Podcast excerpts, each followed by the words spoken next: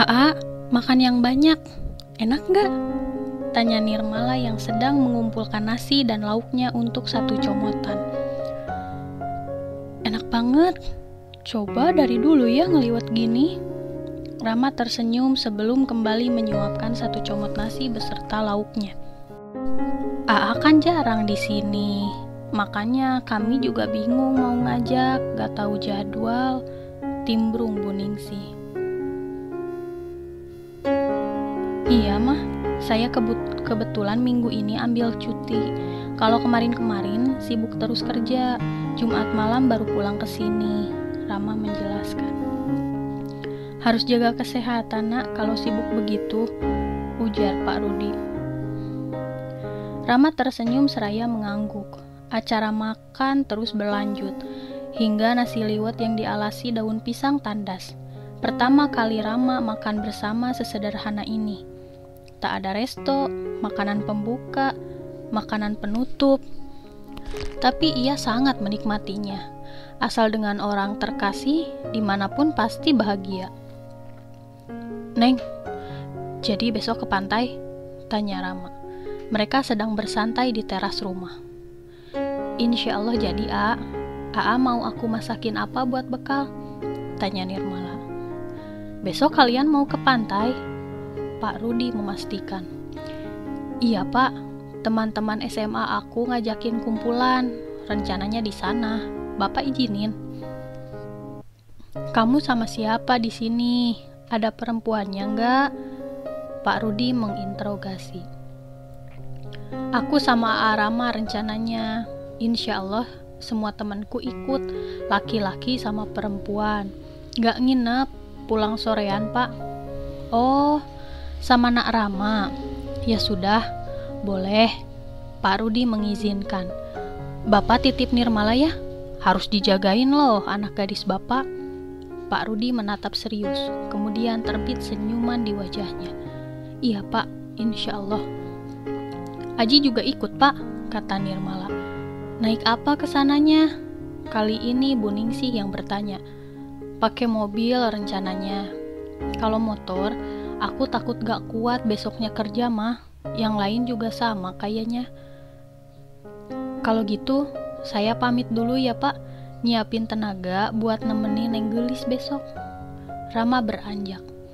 Menyalami Pak Rudi dan Bu Ningsi yang masih bersantai di teras rumah. Nirmala pun tengah berdiri, berjalan menemani Rama hingga ujung gerbang.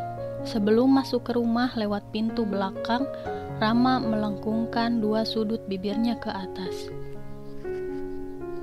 Neng, udah siap? Tanya Rama di seberang telepon.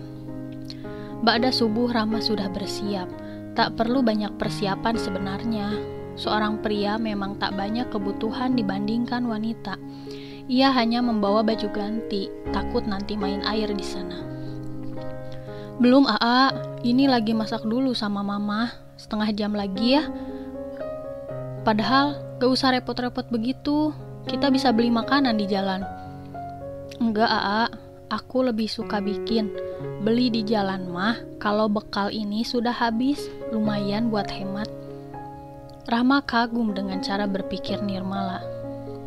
Tak pernah ia sangka, Nirmala bukan tipe wanita yang memanfaatkan pria berharta. Ia selalu teguh pada prinsipnya. Ya sudah, A ke situ sekarang aja ya. Mungkin ada yang bisa A bantu. Iya, A. Begitu kalau punya orang spesial yang merupakan tetangga sendiri. Kalau ada butuh, tinggal melangkah saja. Namun, harus hati-hati juga, karena godaan setan lebih dahsyat bagi mereka yang terlena dengan posisi ini. Rama tak menemui Nirmala langsung yang tengah sibuk di dapur ia hanya akan berbincang dengan Pak Rudi saja. Rama tahu statusnya saat ini, hingga ia tak berani lancang untuk memanfaatkan kondisi. Iya Ji, kumpul di mana? Nirmala muncul dari dalam rumah dengan tas jinjing berisi wadah-wadah tupperware, sedangkan kepalanya mengapit ponsel di bahu.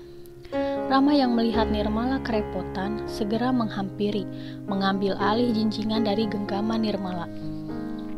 Iya, aku OTW sekarang. A, berangkat sekarang? Tanya Nirmala kepada Rama yang tengah duduk memperhatikan Nirmala bertelepon. Hayu. Pak, Bu, kami berangkat ya? Pamit Rama kepada Pak Rudi dan Bu Ningsi. Iya, hati-hati di jalan. Ingat pesan Bapak, jagain Nirmala ya. Pulang, jangan ada kurang apa pun dari anak Bapak. Pinta Pak Rudi kepada Rama dengan nada lembut dan tegas. Siapa? Saya ingat pesan Bapak.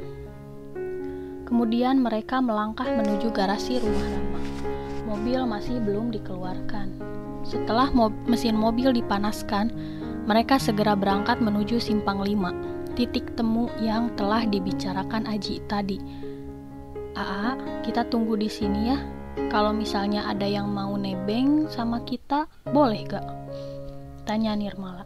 Dia membuka sedikit jendela mobil, membiarkan hawa sejuk masuk.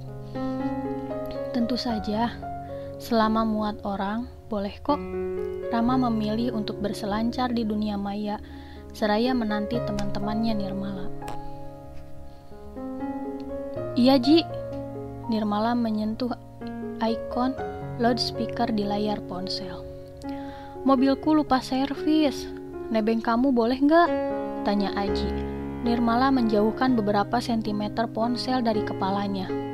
Setengah bertanya mengizin, menanyakan izin kepada Rama. Gimana, A? Rama hanya tersenyum dan mengangguk pasti. Boleh, aku sudah di simpang lima, kamu ke sini aja. Setelah mengiyakan, telepon pun terputus. Nirmala sudah bertukar pesan di WA grup angkatan 2008 ia mengatakan jika dirinya sudah berada di lokasi titik temu. Farah, teman sebangku Nirmala, langsung menelpon. Hai Beb, kamu sudah di simpang 5? Sama siapa? Suara cempreng khas Farah terdengar memenuhi mobil. Aku sama Samuan. Kamu berangkat sama siapa? Tanya Nirmala kemudian. Aku sama suami berdua. Naik motor kayaknya. Ini baru mau berangkat ke situ. Nirmala menutup area mikrofon dengan tangan kanannya.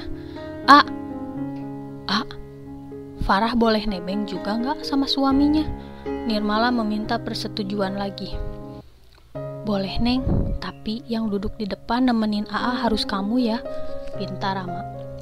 Nirmala mengangguk, kemudian melanjutkan telepon yang sedang terjeda. Rah, kamu ikut bareng aja sama aku. Ini AA bawa mobil, biar gak capek juga. Aku tanya suami dulu ya. Telepon pun diakhiri. Sudah puluhan menit berlalu, Nirmala kini sudah tak lagi berada dalam mobil. Ia keluar dari mobil dan berkumpul dengan teman-temannya di dekat taman kecil sebelah timur Simpang 5. Rama tak ikut, dia memutuskan untuk menunggu di mobil. Nur, Aji yang baru saja datang langsung menepuk pundak Nirmala. Ji, ngagetin aja kamu, jadi nebeng. Farah sama suaminya juga ikut bareng aku. Iya, jadi Alasan Aji jika mobilnya sedang diservis hanyalah modus. Sebenarnya, Aji ingin mencari tahu sejauh mana hubungan antara Nirmala dengan lelaki yang diajaknya. Berharap banyak jika Nirmala tidak ada hubungan spesial dengan lelaki itu. Dan jika ternyata itu adalah orang yang spesial untuk Nirmala, Aji bersedia untuk tak berharap lagi kepada Nirmala. Selang 10 menit, mereka memutuskan untuk berangkat sebelum semakin siang. Salah satu teman Nirmala adalah pemilik hotel di daerah Pantai Santolo, pantai yang menjadi tujuan mereka. Semua sudah dipersiapkan sehari sebelumnya. Teman Nirmala yang ikut hanya berjumlah sekitar 15 orang saja. Sebagian lainnya tidak bisa ikut karena pekerjaan yang tak bisa ditinggalkan. Sedangkan teman sekelas Nirmala hanya Aji dan Farah saja yang ikut. Neng, kita belum sarapan, mau sarapan dulu? Tanya Rama di tengah keheningan dalam mobil. Farah dan suaminya juga Aji jadi ikut numpang di mobil Rama. Farah dan suami di seat 2, sedangkan Aji sendiri di seat 3. Rah, kita sarapan dulu, A, Ji. Tanya Nirmala, memutar badannya ke arah belakang untuk bertanya kepada semua orang. Boleh, jawab Farah. Ji, gimana? Nirmala memastikan. Oke, singkat jawaban Aji. Aji tengah sibuk dengan senandika dalam benaknya. Niat hati mencari waktu untuk menanyakan siapa yang tengah bersamanya belum kesampaian. Sebuah warung makan di pinggir jalan dipilih oleh Rama. Rumah makan yang berdiri kokoh menempel di atas jurang. Bukan jurang yang sebenarnya, tapi lebih ke daerah yang menurun. Jalan raya ini berada di tengah-tengah perbukitan. Samping kanan adalah tebing tinggi dan samping kiri semacam jurang, dataran yang menurun. Warung nasi khas Sunda yang mereka datangi saat ini, semuanya sudah turun dari mobil. Mereka memilih menu makanan sebelum menentukan tempat duduk. Obrolan hangat mengisi waktu. La, kamu kapan naik pelaminan? Tanya Farah di tengah obrolan hangat dua sahabat. Insya Allah secepatnya, kata Nirmala. Sama siapa? Tanya Farah menyelidik. Aji yang menyibak obrolan ini memasang telinga sigap. Ia siap mendengarkan setiap kalimat yang akan meluncur dari bibir Nirmala. Pasalnya, sedari tadi ia penasaran siapa laki-laki yang bersama Nirmala ini. Sama saya, Teh. Rim, Rama menimbrung. Bagai disambar petir kemudian dihujam ribuan belati. Aji yang mendengar penuturan Rama merasa terperanjat sekaligus bangkit terasa berapi-api di dalam hatinya. Habis sudah rasa penasaran Aji. Kemudian ia mengirim WA kepada teman yang lain agar menuju ke warung nasi tempat mereka sekarang berada. Aji memutuskan untuk pindah kendaraan. Insya Allah kalau jodoh AA, AA kan belum lamaran resmi ke rumah, baru bilang ke bapak aku aja. Nirmala meluruskan, hati Aji yang penuh sesak perlahan melega, sedikit saja sesak yang masih tersisa. Karena Aji kalah star dari Rama. Oh, jadi AA ini baru bilang ke Bapak Nirmala aja, belum tunangan tapi Aji memastikan lagi kedetilannya. Nih, lihat, ada cincin gak di jari manis aku? Nirmala mengacungkan lengannya, memperlihatkan jika jari masih kosong tanpa cincin. Sedikit lebih lega lagi hati Aji.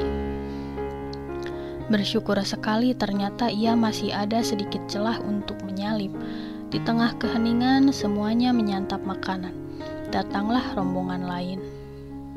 Mereka semua sudah lebih dulu makan di rumah makan sebelumnya. Tujuan mereka datang karena pesan WA yang Aji kirim kepada Alfi. Ji, jadi ikut kita? Tanya Alfi menghampiri ke dalam warung nasi. Mereka yang masih makan heran, tak terkecuali Nirmala. Siapa juga yang mau ikut lu? Aji pura-pura tak paham. Tadi kan Aji langsung bangkit dan membekap mulut Alfi. Alfi yang kaget segera melepaskan tangan Aji dengan paksa. Dih, jorok lu, bu amis kan wajah gue. Alis Nirmala bertaut, kemudian ia mengulum senyum.